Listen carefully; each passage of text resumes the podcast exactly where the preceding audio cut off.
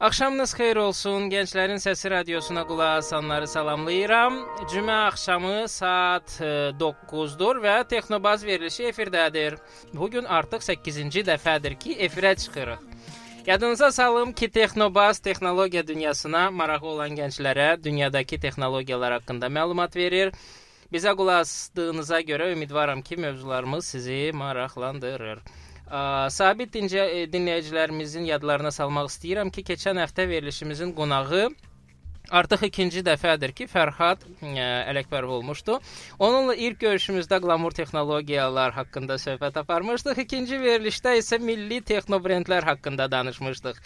E, beləliklə studiyada mən Vahid və bugünkü qonağımızla biz məhz haqlar haqqında, daha doğrusu desək müəllif hüquqları haqqında, daha da konkret desək, it e, başlayın IT və müəllif hüquqları haqqında söhbət aparacağıq və bugünkü texnobazımız Eldar Cangirovdur. Eldar özünüzü təqdim edin zəhmət olmasa. Axşamınız xeyir olsun Vahid, hər vaxtınız xeyir olsun hörmətli dinləyicilər. Eldar Cahangirov, Microsoft Azərbaycanda çalışıram və ə, korporativ biznesin inkişafı ilə məşğulam. Nəyə görə məhz Microsoftun nümayəndəsini dəvət elədik? Aydın məsələdir ki, hamımızın istifadə etdiyi əməliyyat sistemi kompüterlərdə məhz Microsoftun istehsalı olan Windows-dur və bir çox kompüterdə həmin əməliyyat sistemi lisenziyasız olaraq istifadə olunur. Bununla əlaqədar ilk sualım da məhz budur. Microsoft şirkətinin adı necə düzgün tələffüz olunur? Microsoft yoxsa Microsoft? Microsoft. Microsoftla davam eləyirik. İkinci sual əslində ilk olası sual oydu. Windows-un bu qədər geniş şəkildə lisenziyasız istifadə olunmasından narahat olmursunuz? Biz elə ən çox əziyyət çəkən şirkətlərdən biriyik. Tək Azərbaycanda yox. Ümumiyyətlə elə mən deyərdim 1975-ci ildən şirkət yaranandan belə ən çox əziyyət çəkən ə, şirkət Microsoft-dur. Siz piratçılıqdan danışdınız. Mən ə, vurğulamaq istəyirəm ki, ə, piratçılıq ə, qurbanı olan tək bizim əməliyyat sistemimiz olan Windows yox, həmçinin də əfsuslar olsun digər produktlardır, digər məhsullardır. Əsas məhsullarınız ə, bizim tanıdığımız bir əməliyyat sistemidir, bir də ofisdir. Başqa hansılar var bizim tanımadığımız? Bizim bizim price list ə, yüzlərlə, yüzlərlə məhsullarla ölçülür. Hı -hı. Ə, lakin ən populyar, ən geniş yayımlı yayılmış məhsulları siz dediniz, əməliyyat sistemi bir də ofis. Serverlər var, virtualizasiya üsulları var, korporativ həllər var ə, təhlükəsizlik həllərimiz var. Yəqin ki, onlar çox... o dərəcədə lisenziyasız istifadə olunmazlar. Təəccüblənəcəksiniz? Təəccüblənirəm. Amma elə dediyim təhlükəsizlik məhsulları da, Hı -hı. server məhsulları Hı -hı. da, virtualizasiya ə, məhsulları da. Onlar çox sayda yəni qeyri qeyri-legal lisenziyasız istifadə olunur Azərbaycanda. Bu o deməkdirmi ki, Microsoftun ə, lisenziyalaşdırma qorunması zəifdir və hər kəs onu sındıra bilər. Microsoft heç bir ölkədə, heç bir bazarda qanunun tətbiqi ilə məşğul olmur. Hı -hı. Bunun üçün dövlət qurumları var hər bir ölkədə. Ə, və bu tək bu tərəfdən gələn zəiflik demək deyil. Həmçinin də bu mədəniyyət məsələsidir. Bu ə, qanunların tətbiq olunmasının səviyyəsidir. Hı -hı. Ə, bu ə, insanların və təşkilatların məsələyə yanaşmasından gəlir. Səbəblər çoxdur. Yəni ki, o bilirsiniz nəyə oxşuyur? Mən qapımı bağlamıram. Ondan sonra evimdən pulumu oğurlayırlar, amma mən deyirəm ki, bizim millətimiz səviyyəsizdir və polislərimiz yaxşı işləmir. Xeyr, mən belə bir söz işlətməmişəm. Siz də məni ə, düz başa düşməmisiniz. Ə, hansı qapıdan söhbət gedir? Mən anlamadım sizi. Söhbət, yəni mən sual vermişdim ki, ə, lisenziyanın qorunması məsələsi texniki olaraq əgər salamat, sağlam bir şəkildə qurulsa, onu sındırmaq, başqa keydən istifadə eləmək, ondan sonra lisenziyasız şəkildə ümumiyyətlə məhsuldan istifadə eləmək bir o qədər asan olmayacaq. Siz bu əgər bu qədər asandırsa, necə? Misal verə bilərsiniz. Misal deyəlim ki, dünyada elə bir məhsul, IT məhsulu mənə deyin ki, onu sındırmaq mümkün olmasın. Elə bir məhsul yoxdur. Ona görə mən deyirəm ki, siz məni anlamadınız. Gözəl. Ə, məndən bir çox vaxtı soruşurlar ki, nəyə görə məhz belədir? Mənim verdiyim açıqlama əslində özümə görə bir şeydir.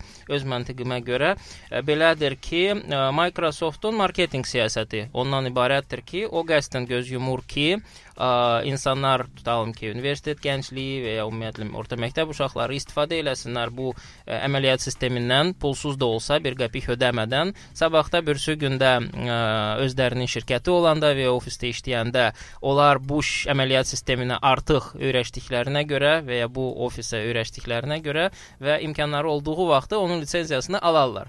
Amma Əgər... ümumiyyətlə çox sərt olsa, tutalım ki, getsələr pulsuz, ə, məsələn, Linux-dan istifadə eləyəcəklər, Linux-u öyrəşəcəklər, sonra deyəcəklər ki, nə edirik biz bundan pul ödəyib, onsuz da Linux çox rahatdır, OpenOffice çox rahatdır və s. Yəni sözlərimdə bir düzgünlük var, yoxsa tamamilə səhvim? Ə, bilsəydim bütün sirlərimizi açacaqsınız, gəlməzdim.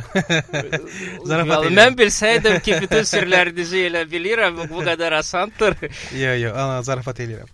Ə, deməli bizim yanaşmamız çox aydın və şəffafdır bu baxımından. Yəni biz təhsil müəssisələrinə, təhsil sahəsində fəaliyyət göstərən qurumlara, yəni məktəblərə, universitetlərə, universitetlər kimi qurumlara çox xüsusi, Hı -hı. çox xüsusi, mən hətta deyərdim, demək olar ki, pulsuz Hı -hı. öz məhsullarımızı ə, təklif eləyirik. Bizim universitetdəki bütün əməliyyat sistemləri lisenziyasızdır. Ona görə ki, siz bilmirsiniz ki, bizə bizdə belə bir təklif var. Biz də o təklifi sizə ə, çatdırmamışıq. Azərbaycanda neçə dənə universitet var ki, çox sayda universitet. Siz onları bizə hələ də çatdırmamısınız. Çox sayda universitet var. Yəni 30-40 dənədir artıq. Amma mən sizə deyim ki, ə, Azərbaycan Azərbaycandan gələn yaxşı xəbərlərdən biri odur ki, biz tam rahatlıqla deyə bilərik ki, Azərbaycanın orta təhsili Hı -hı yalnız və yalnız lisenziyalı proqram təmin Microsoftun lisenziyalı proqram təminatından istifadə edir. Bütün məktublar, ə, ə, məktəblər, Hı -hı. bütün orta təhsil müəssisələri yalnız lisenziyalı proqram təminatından istifadə edir. Bu artıq 4 ildən çoxdur ki, davam eləyir. Yaxşı ə, səslənir. Nə dərəcədə həqiqətə uyğundur bilmirəm. Yəni ola bilsin ki, siz bütün olmaz. məktəblərə lisenziyalı Windows satmısınız və ya təqdim etmisiniz, amma ki, heç inanmıram ki, bütün məktəblər həmin lisenziyalı Windows-dan istifadə edirlər. Çox naq yerə inanmırsınız. Mən deyə bilmərəm ki, mən məktəb-məktəb gəzmişəm, yoxlamışam bütün kompüterləri. Hı -hı. Mən sizə onu deyirəm ki, ə, bizim deməli ə, Təhsil Nazirliyi ilə xüsusi Hı -hı. imzalanmış ə, razılaşmamız var. Okay. Xüsusi sazişimiz var. O sazişə uyğun olaraq hər bir orta təhsil müəssisəsi lisenziyalı əməliyyat sistemi və təmin olunur. Təmin Amma olunur. istifadə eləyir mənasına gəlmir. Biz onu yoxlamışıq. Çünki məsələn, ə, belə bir həqiqət var ki, Təhsil Nazirliyi tutalım ki, müəyyən şeylər ə, təqdim eləsə də məktəbə, kompüter xarab olduğu zaman Təhsil Nazirliyi onun təmirinə baxmır. Belə bir qurum da nəzərdə tutulmayıb.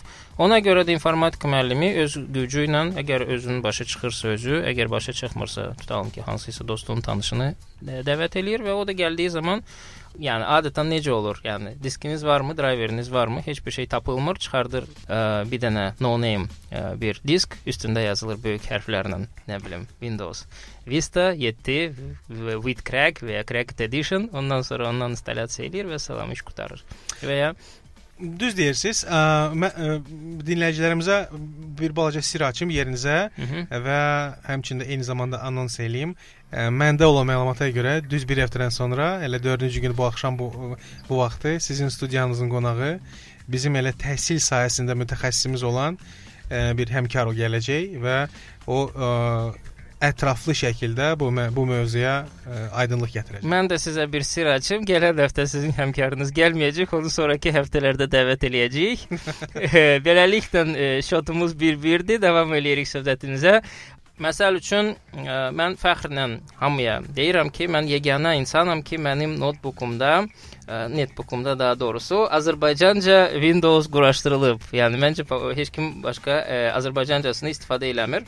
Məsələ onda idi ki, bu balacanı aldığım vaxtı bura ə, deməli lisenziyalı XP Home Edition quraşdırılmışdı. Ə, hətta və hətta qıymadım ki, ə, bunu tutalım ki, upgrade eləyib, məsələn, daha üst versiyasını yükləyim və ya tutalım ki, əllərim qaşınırdı ki, heç olmasa professionalını e, yükləyim home əvəzinə. Ə, məni dayandıran o olub ki, bunu aldığım günün axşamı mən Şəkiyə getmək məcburiyyətində idim. Vaxtım yox idi. İkincisi də o idi ki, qorxurdum ki, o vaxtı netbooklar təzə çıxırdı, driver tapamayacağam yeni əməliyyat sistemi üçün və üçüncü qorxum da odur ki, bunun üstündə CD-ROM yox idi. Ona görə məcbur qaldım ki, bunu istifadə etməyə davam edim. Edir. Bu hallar çox vaxtı baş vermir. Yəni ə, təzə kompüter aldığımız vaxtı ilk elədiyimiz şey əməliyyat sistemini yox eləyib təzədəsini ə, yükləməkdir. Ə, amma ki bir dənə mənim şübhəm bu dəqiqədə qalır. Məsələn, deyəlim ki, mən həmin ə, kompüteri formatlamaq məcburiyyətində qalsam, həmin lisenziyanı ə, hardan necə təmin edə bilərəm? Siz ə, yəni mən yadımda deyil. Efirdən sonra mən sizə xüsusi bir nömrə verəcəm. Siz həmin o nömrəyə müraciət edəcəksiniz. Ə, pulsuz bir zəngdir ə, və sizə ə, yardım eləyəcəklər. Mən ə, sualınızın əvvəlinə qayıtmaq istəyirəm və demək istəyirəm ki, biz böyük fəxr fəxrlə deyə bilərik ki, Microsoft şirkəti multinational belə iri iri şirkətlərdən yeganə bir şirkətdir ki, Hı -hı. öz əsas məhsullarını Azərbaycan dilinə lokalizasiya edir. Bu aiddir həm XP, həm Vista, həm Windows 7, Windows 8-ə də aiddir, Office. Hı -hı. Yəni bu bizim böyük fəxrimizdir və ə, biz bunu belə deyək, öz ə, nailiyyətimiz siyasətine daxil edirik. Bu günləri belə deyək də sirlər gecəsidir. Bir çox sirləri öyrənəcəyik. Mən bir dənə də sirri açıqlamaq üzrə sual verəcəm. Sirri qonağımız açıqlayacaq. Ə, Deməli, bu yaxınlarda bilirsiniz ki, Bakutel e, sərgisi keçirilib o, uzaq bir məkanda. Bu illəri nəhayət orada iştirak edə bildim. Müəyyən səbəblərə görə ondan əvvəlki 2 il iştirak edə bilməmişdim, çünki çox uzaqdır. 3 il bundan əvvəl ə, daha şəhərdə keçirilən Bakuteldə ə, Microsoftun stendinə yaxınlaşmışdım. Orada səhv eləmirəmsə Vista idi o vaxtı. Vistanın Azərbaycanca. Neçə il bundan əvvəl? E, yəni ki, yəqin ki 4 il bundan əvvəl olacaq. Artıq 2008-ci. 7, 7 məncə artıq var idi. Və hər nəsə, buyurun. Hə. Ə, Azərbaycan dilində onu təqdim eləyirdilər. Mən stenddəki qızlardan soruşdum ki, bunu hardan təmin etmək olar? Lisenziyalı, tutalım ki, Windows 7 ə, Azərbaycanca məhsulu. Burada satırsınızmı? Dedilər ki, yox. Ümumiyyətlə Microsoft satırmı? Dedilər ki, yox. Bəs harda? Ə, cavab verə bilmədilər. Bir sir bizə açın. Mən lisenziyalı Windows-u almaq istəsəm, hara müraciət etməliyəm? Ə, dediyiniz qızlar sizə ə, axıra qədər tam cavab verə bilmədilər. Yox, onlar heç başlanğıcını da deyə bilməyiblər, amma ki onların ə, bədən quruluşlarına baxanda mən başa düşdüm ki, onlar ümumiyyətlə IT dünyasından çox uzaqdılar. Onun yəni, üçün ümumiyyətlə cavab vermələri çox biraz şübhəli idi. Yoxsa çox ə, kifir idilər? Yox, kifir deyildilər. Hı -hı. Mən deyim. Deməli Microsoft Hı -hı. demək olar ki, bütün dünyada, elə Azərbaycanda da birbaşa bilavasitə satışlarla məşğul, məşğul olmur. olmur. Okay, bu aydındır. Satışları bizim çox hörmətli, çox saylı tərəfdaşlarımız, partnyorlarımız həyata keçirir. Və Siz... Azərbaycanda da bunlar o siyahı çox uzundur. Bu 60 şirkətə yaxındır. Mən indi Ən böyüklərinin 4-5 dənəsinin adını çəkə bilərsiniz. Ultra şirkəti Softline, Caspel, Sinam, ə, Siz Azel. dükanı olmayan şirkətlərin adlarını çəkirsiniz. Deməli, ə, lisenziyalı ə, bütün proqramlarımız Hı -hı tərəfdaşlarımızdan alınır. Bəli. Bunlar iki əsas ə, qruplara bölünür. Birinci dediyimiz inteqratorlar, o dediyimiz o solution providerlar, korporativ bazarda, yəni iri qurumlar, banklar, dövlət dövlət qurumları o sahədə fəaliyyət göstərənlər də onlar korporativ həlləri təklif eləyirlər. Bir də var ikinci istiqamət, siz o dediyiniz retail hə, şəbəkəmiz. Hə, hə. Qərar cəmaata xidmət göstərənlər. Yəni bizi maraqlandıran onlardır. Dükanlardır. Mən ə, dükanların adlarını ə, çəkmək istəmirəm sizin efirdə, çünki yox, bu... yox, əgər Ultra Sinamın adını çəkmişiksə, yəni bizdə heç bir məhdudiyyət yoxdur, yəni çəkə bilərsiniz. Elə sizin ə, radionuzun ətrafında yerləşən ə, dükanlar məsəl üçün valla mən heç yadıma gəlmir. Adi IT istənilən IT dükanında kompüter ya da ki planşetlər ya da ki IT avadanlığı satan ə, bir satış nöqtəsinə getsəniz, Aha. siz oradan ə, deməli üstünə quraşdırılmış OEM adlı, yəni Original Equipment Manufacturer OEM lisenziyası üstündə olan ya avadanlıq ala biləcəksiniz, Hı -hı. ya da ki üçüncü sizin üsulunuz var. Siz Hı -hı. korporativ yox, box məhsullarımızı FPP, yəni ə, qutuda olan ə, məhsullarımız Elə var. söhbət məhz onlardan gedirdi. Mənə Windowslu kompüter lazım deyil. Mənə Windowsun özü lazımdır ki, onu mən öz kompüterimə quraşdırım. Və mən də balet e, müəllimi deyiləm. Mən IT mütəxəssisiyəm. Dükanları da Məndən fərqli olaraq illərlə, deyiləm. illərlə gəzirəm və heç birində indiyə qədər sor sual verdiyimə rəğmen bunu tapa bilmədim. Deyirlər, yoxdur, yoxdur, yoxdur, yoxdur. Yəni lisenziyalı tapa bilirik. Hal-hazırda ən yaxşı ehtimalda antivirusları. Bu səviyyəyə qədər gəldik. Artıq satırlar. Kasperskin lisenziyası, nə bilim, Doktor Webin lisenziyasını bilməm. Norton lisenziyasını, amma Windows'un lisenziyanı box yoxdur. Heç bir dükanda. Çox təəccübləndirdiniz Ya heç bir deməyim, amma mənim daxil olduğum bir çox dükanda, hansılar ki, böyük dükanlar şəbəkəsidir, DNS-də tutmuş Bestcom-a qədər. Hı, Elə Bestcom Yoxdur, DNS elə o yoxdur, yoxdur, yoxdur, yoxdur, yoxdur. Aa, Mənə çox maraqlıdır ki, onlar hardadır. Yəni mən can yandırıram ki, mənim kompüterlərimdə lisenziyalı Windows olsun. Çünki mən onu rahat update eləyim. Mən onun ə, antivirusundan istifadə edeyim. Mən tutalım ki, başqa şeylər eləyim. Ola bilsin ki, mənim hal-hazırda məsələn deyəlim ki, ə, Microsoft Office-i ə, lisenziyasını almağa pulum çatmır. Amma əməliyyat sisteminin ə, lisenziyasını almağa pulum çatır və mən bundan faydalanmaq istəyirəm. Çıx, siz məni çox məyus elədiniz.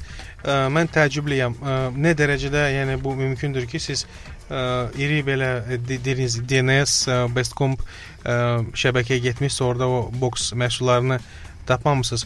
Mən elə verilişdən sonra deyə bilmərəm. Elə sabah səhər tezdən mən sizə Hı -hı. söz verirəm. Onlar artıq bizi dinləyirlər. Sabahlar hamısını çıxardacaqlar. Gözəl. Ə, mən sabahları səhər əlaqə saxlayacağam bizim həmkarlarımızla və soruşacağam ə, nə dərəcədə bunlar bizim ə, məhsullarımıza diqqət yetirirlər öz retail şəbəkələrində. Amma siqnal üçün çox təşəkkür edirəm və niyyətiniz üçün təşəkkür edirəm. Yəni siz ki, ə, siz kimilər əfsuslar olsun Azərbaycanda çox sayda deyil. Elə bununla əlaqədar bir sabit dinləyicimiz yazıb ki, müştəri yoxdur, bazar da maraqlı deyil. Yəqin ki, heç kim soruşmur, ona görə də bunları satışa çıxartmırlar. Elə bir nəticə çıxarda bilərikmi? Mən belə qara ə, rənglərlə bu vəziyyəti izah eləmək istəmirəm. Mən deyim nəyə görə. Çünki biz fəaliyyətə başlayanda Azərbaycanda piratçılıq səviyyəsi 95% idi. Hı -hı.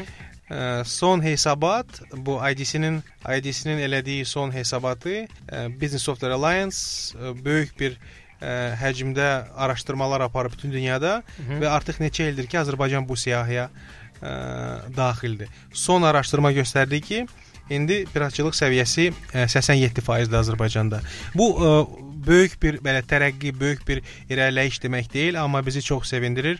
Buna səbəb buna səbəb odur ki, ə, Bütün məktəblərə lisenziyalı Windows Xeyr. paylamısınız. Ha, Ən azından ədədinə görə, sayına görə bu heç olmasa 7%-ni təşkil edir. xeyr, ə, xeyr, tamamilə ə, dolğun olmayan bir söz ə, dediniz. Mənim Məktəb- versiyamdır. Gözəl. Mülahizə sürmək siz aparıcısınız, nə qədər istəyirsiniz eləyin, amma mən sizə deyim bunun əsas səbəblərini. Əsas səbəbləri ondan ibarətdir ki, bizdə yaxşı bizi başa düşürlər ə, hökumət qurumlarında, ə, respublikanın rəhbərliyi çox mütərəqqib belə baxışlara sahibdir və bu baxımından artıq Azərbaycan, indiki Azərbaycanımız belə deyək də ə, 10 il, 15 il bundan əvvəl olan Azərbaycan deyil. Əlbəttə. Yəni burada fərq böyükdür. E, Bu tək prestij məsələsi deyil. Burada əsas rolu oynayan təhlükəsizlik məsələləri oynayır. Bizim elə e, qonşula qonşuluğumuz o dərəcədə mehriban qonşuluq deyil ki, biz burada rahat e, yata bilək. Təhlükəsizlik məsələlərinə e, dövlət qurumlarına çox böyük e, diqqət göstərirlər və ona görə burada böyük irəliləyiş var. Çox gözəl, sevindirici haldır. Yəni, sürətlə inkişaf eləyirik. Yenə də e, bir balaca belə ola bilsin ki, biraz narahat edici məsələlərə e, qayıdaq. E, Əgər ki Microsoft şirkəti e, heç dünyanın heç bir ölkəsində özü e, deməli e, müəlliflik hüquqlarının nəzarəti ilə məşğul olmursa və nəzərə alsaq ki, tutalım ki, Azərbaycan tək deyil. Belə ölkələrin sayı çoxdur ki, ümumiyyətlə burada heç kim müəlliflik hüquqlarından nə, nəzarəti ilə məşğul olmur. Bu belə deyək də çıxışsız bir vəziyyət yaranır. Microsoft üçün maraq qalırmı ki, tutalım ki, bütün məhsullarını lokalizasiya eləsin, bilə-bilə ki, daha sonra onların 87%-i lisenziyasız olaraq paylanılacaq və ya istifadə olunacaq. Gözəl sualdır. Mən demək istəyirəm ki, biz ümid eləyirik ki, bu ye- 87% enəcək aşağı, bu bir. Hı -hı. Ona görə də şirkətin ə, Azərbaycana olan marağı nəinki stabil olaraq qalır. Hətta mən deyərdim. Bir dənə sizdən belə bir proqnoz da, yəni ki, bu nəyə görə 80 95-dən 80 nə qədər idi? 87. Hə, 87-yə endi. Yəni mənim kimi bilinçli vətəndaşlar mı çoxalıb, yoxsa cəmaətdə pul o qədər çoxdur ki, artıq bilmirlər hara xərcləsinlər, lisenziya alırlar, yoxsa bu bir nə bilim qlamurdur, mənim Windows-um lisenziyalıdır və yəni nəyə görə artıb lisenziyalı istifadəçilərin sayı? Ümumiyyətlə inkişaf var. Bu inkişafın belə deyək göstəricilərdən biridir. Bu həm mədəniyyət, istif istifadəçilərin mədəniyyəti, əsas dediyim retail, retail istiqamət burada böyük rol oynamır. Əsas əsas belə təsir eləyən amil odur ki, dövlət qurumları, Hı -hı. iri qurumlar, yəni banklar, bir sıra əfsuslar olsun ham hamısı yox, amma bir sıra banklar, iri sığorta şirkətləri, iri holdinqlər bunlar bu məsələyə son illər ərzində çox böyük diqqət göstərdilər. Biz onda onları dəstəklədik. Ona görə belə bir irəliləyiş var. Bu tək belə bir hansısa səbəbdən irəli gələn bir nəticə deyil. Bu kompleks bir Azərbaycan rəhbərliyi, dövlət qurumları, ə, istifadəçi mədəniyyəti, ə, yəni gəlir səviyyəsi, ə, inkişaf, təhlükəsizlik tələbləri, bunlar hamısı çox ə, hərəsi, hərəsi müəyyən rol oynadı bu prosesdə və mən deyərdim ki, belə Şərqi Avropa ölkələrindən ə, əgər biz ə, misal istəsək, oradan görərik ki, yüksək səviyyədən, piratçılıq səviyyəsindən ə, təxminən 75-76 faiza eniş sürətli olur təxminən 3 Yəni ki, siz bu faizdən razısınız? Xeyr, qətiyyən biz narazıyıq. Biz Yox, çox yəni ki, 7 faizlik enişdən söhbət gedir. Bu irəliləyişdir. Tempdən. Bu irəliləyişdir. Ə, böyük bir, yəni irəliləyiş deməkdir. Amma 87% o deməkdir ki, Azərbaycanda 100 kompüterdən Hı -hı 87 qeyri-legal məhsullar. Biz əmmanı burax saxlayaq sonraya. Bu majorda hansı ki gözəl irəliləyişdir. Ə, biz dayanaq və burada ə, major bir musiqimiz gəlsin, sonra söhbətimizə davam edərik. Məmnuniyyətlə.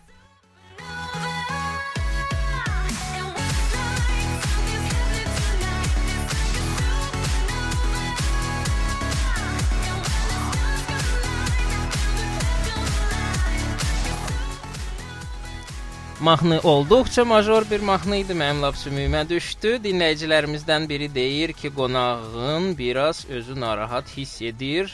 Elə bil sərbəst olsaydı pis olmazdı. Yəqin ki, ə, həmin yazan, şərhi yazan adam studiyada olsaydı və mən də ona belə sualları versəydim, o da özünü bir qədər narahat ə, eləyərdi, amma inandırım sizi ki, ə, vəziyyət bir o qədər də pis deyil. Yəni biz bu dəqiqə bir balaca bizim problemləri ikinci plana buraxacağıq. Yəni hər şeydən bir müsbət zərrə tapmaq lazımdır və o müsbət zərrədən danışmaq lazımdır. Əslində tutalım ki, müəlliflik hüququnun pozulmasına piratçılıq kimi belə qara bir ad qoyulur da.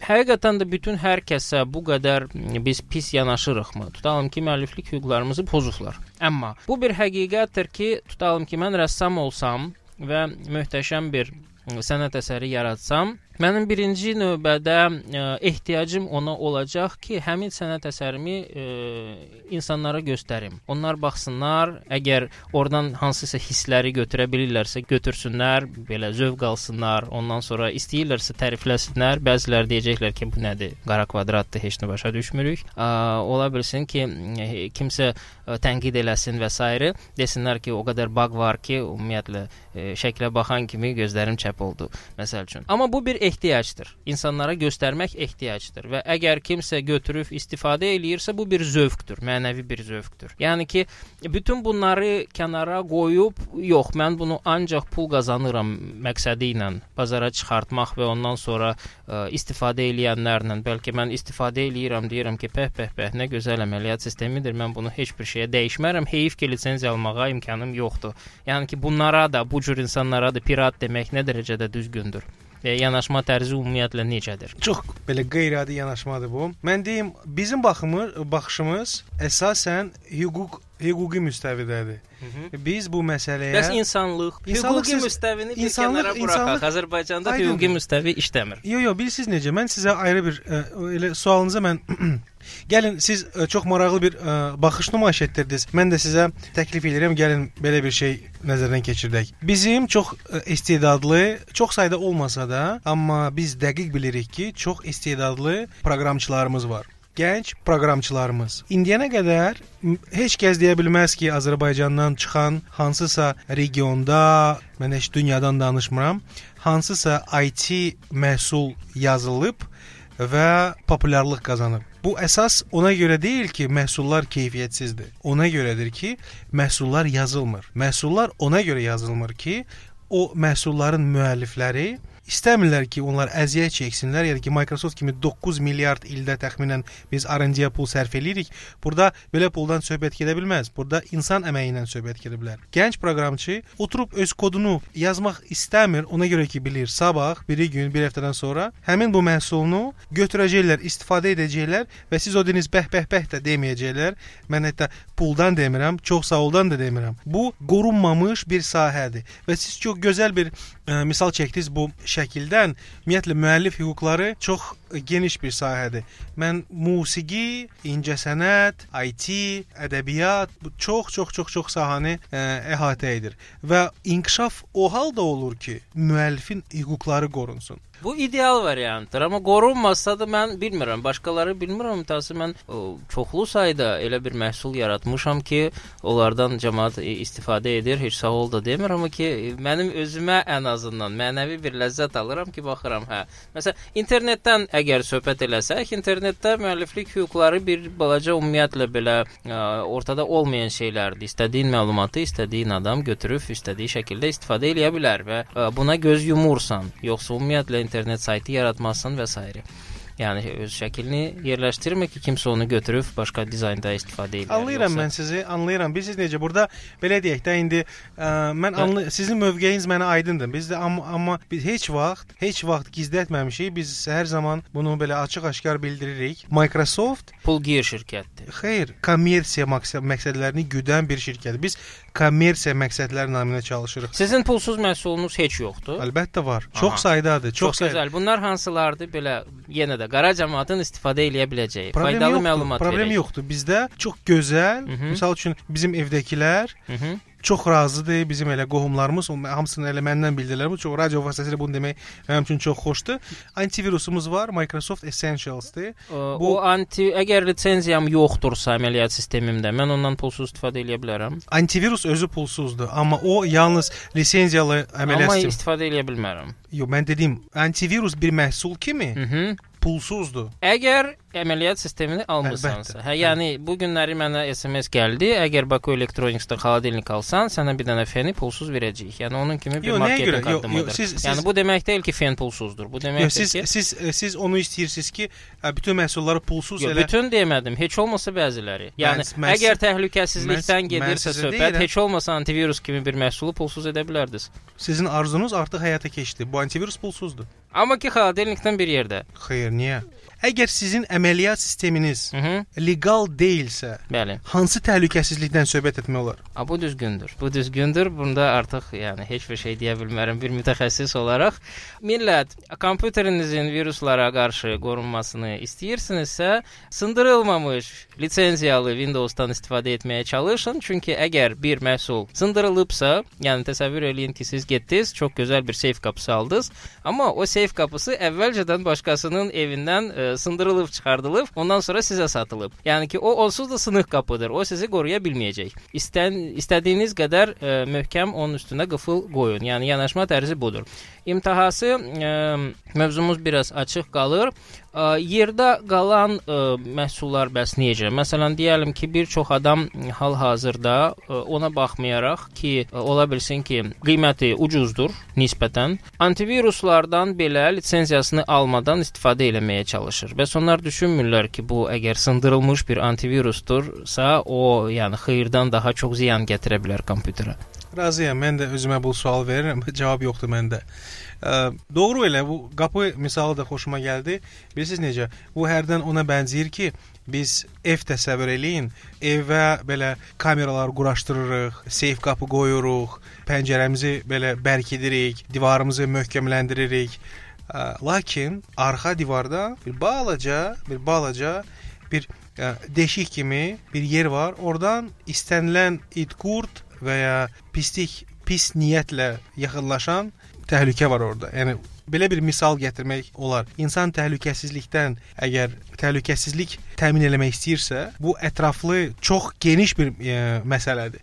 Bu tək əməliyyat sistemi və yaxud da hansısa applicationlar bu geniş həm istifadəçi baxımından, həm kompüterin belə hardver baxımından, həm softver baxımından böyük diqqət tələb edən bir məsələdir. Ə, sizin antivirusunuzdan biraz söhbət açılmış ikən mən hal-hazırda PC mağazinin ə, deməli ə, müqayisəsinə baxıram. 2012-ci ilin antivirus müqayisəsi. Burada ilk onda ümumiyyətlə Microsoft-un məhsulunu ümumiyyətlə görmürəm. Bu hansı ə, saytdır? Harda baxırsınız? PC mağazinin öz saytıdır. PC mağazin nə nə, nə mağazindir ki, belə belə? Kompüter jurnalıdır. Kifayət qədər bilinən, yəni ən azından Microsoft qədər adı çıxıb. Yox, açığı mən yalan demək istəyirəm. Bir iki dəfə də eşidirəm. Ya, bu milli milli jurnal deyil. Bu beynəlxalq jurnaldır.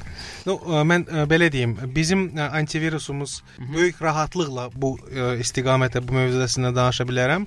Halbuki mən belə deyək, texniki mütəxəssis deyiləm sizdən fərqli olaraq. Mənim işim biraz fərqlidir, -hı. amma məndə olan məlumata görə bizim antivirusumuzun bir sıra üstünlükləri var. O da ki, çox belə dərin incəliklərdir ki, kompüteri müdafiə edə biləcək yadrolardır. Hı -hı. Sonra ə, o belə deyək də antivirus içalatının xüsusiyyətləridir.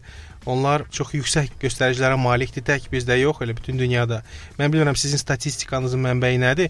Bizdə olan statistika Yo, Bu statistika deyil, bu sadəcə və sadəcə bir müqayisədir.